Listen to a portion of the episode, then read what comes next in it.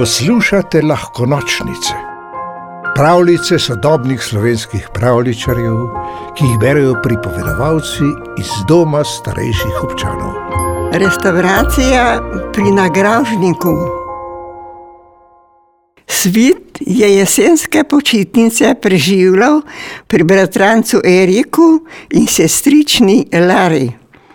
Radi bi stekli ven, tudi okoli vogalov je bril tako mrzel veter, da ti je zmrznil še smrkl v nosu.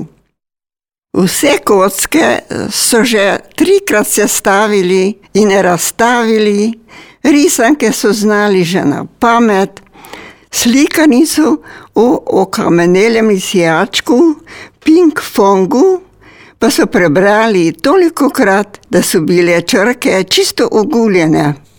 Še po kavču se jim ni več dalo skakati. Posedali so in tuhtali, kaj bi se lahko igrali. Svitu se je posvetilo. Igrajmo se restauracijo pri nagražniku. Erik in Lara sta ga vprašala, kaj pa je to? Svit jim je navdušeno rekel: Najboljša igra na svetu. Izmislimo si najbolj ugabno hrano in pijačo, jo narišemo in postrežemo staršem. Dobra fora, je rekla Lara.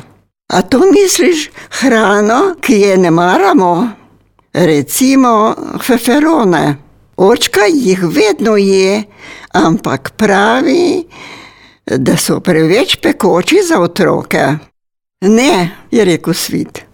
Pri tej igri si izmislimo hrano, ki ne obstaja, je pa nagražna. Bom jaz začel. Vama je všeč čokoladno mleko?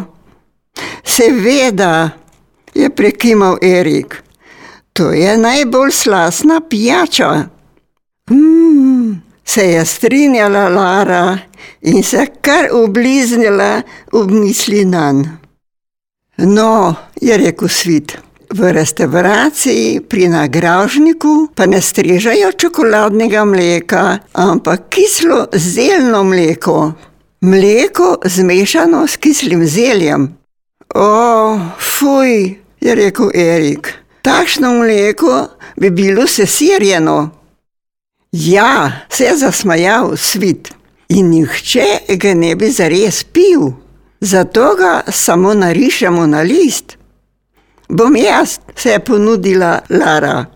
Vzela je list, na narisala velik kozarc mleka in ga pobarvala z rumeno barvo kislega zelja.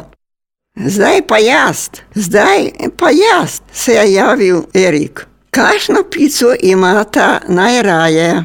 Jaz s sirom, je rekla Lara. Jaz pa s hrenovko in klobaso je pristavil svoje svit. Erik je vprašal: Se spomniš zadnjič, ko smo bili skupaj v pizzeriji, kakšno pico je jedel tvoj očka? Ja, je prekimal svit. S smrdljivim sirom in se prav oblizoval, ker mu je bil tako všeč. Zdaj pa si predstavljaj, se je zasmejal Erik. Pico s smrdljivimi štumfi. Vsi trije so se zarežali in se strinjali, da se je Erik domislil prav zares na gražne hrane. Svit je na največji list papirja, kar so ga našli, učrtal krok, ki je predstavljal pico, na to pa so vsi trije narisali nogavice da bi tudi drugi vedeli, da so zares smrdeče, so na dne narisali vijugaste črte. Zdaj pa ti, Lara, je rekel Svit. Manjka nam še sladica. Hm, jedrca in vampe imam rada. Ampak si predstavljata, da bi iz njih naredili torto? Bijak, je rekel Erik. To si se pa dobro spomnila in lahko bi bila posuta z odvrtimi smrkli. Ha, se je zasmejal svit. torta iz jetrc in vampov z usvrtimi smrkli. Narišimo še to. Vsak je narisal po dva kosa torte, da bodo lahko postregli še staršem. Pobrali so risbe in hoteli oditi v dnevno sobo, ko se je svet domislil, da jim manjka še jedilni list. Vzel je prazen list papirja in nanj napisal, kot se za petletnika spodobi. Jedilni list, kislo zeleno mleko, pica s štumfi, torta. Smeje so stekli iz otroške sobe in upili: Dobrodošli v gostilni pri nagražniku. Staršem so postregli z izmišljeno hrano, in vsi so se strinjali, da je bil obrok prav okusen, če tudi malo nenavaden. Ko so vsi v en glas podrli kupček, je zagrmelo tako silovito, da so se stresli še sivi oblaki na nebu in iz njih so se usule snežinke. Otroci so stekli k oknu in opazovali bele zvezdice, ki so se vrtinčile v vetru.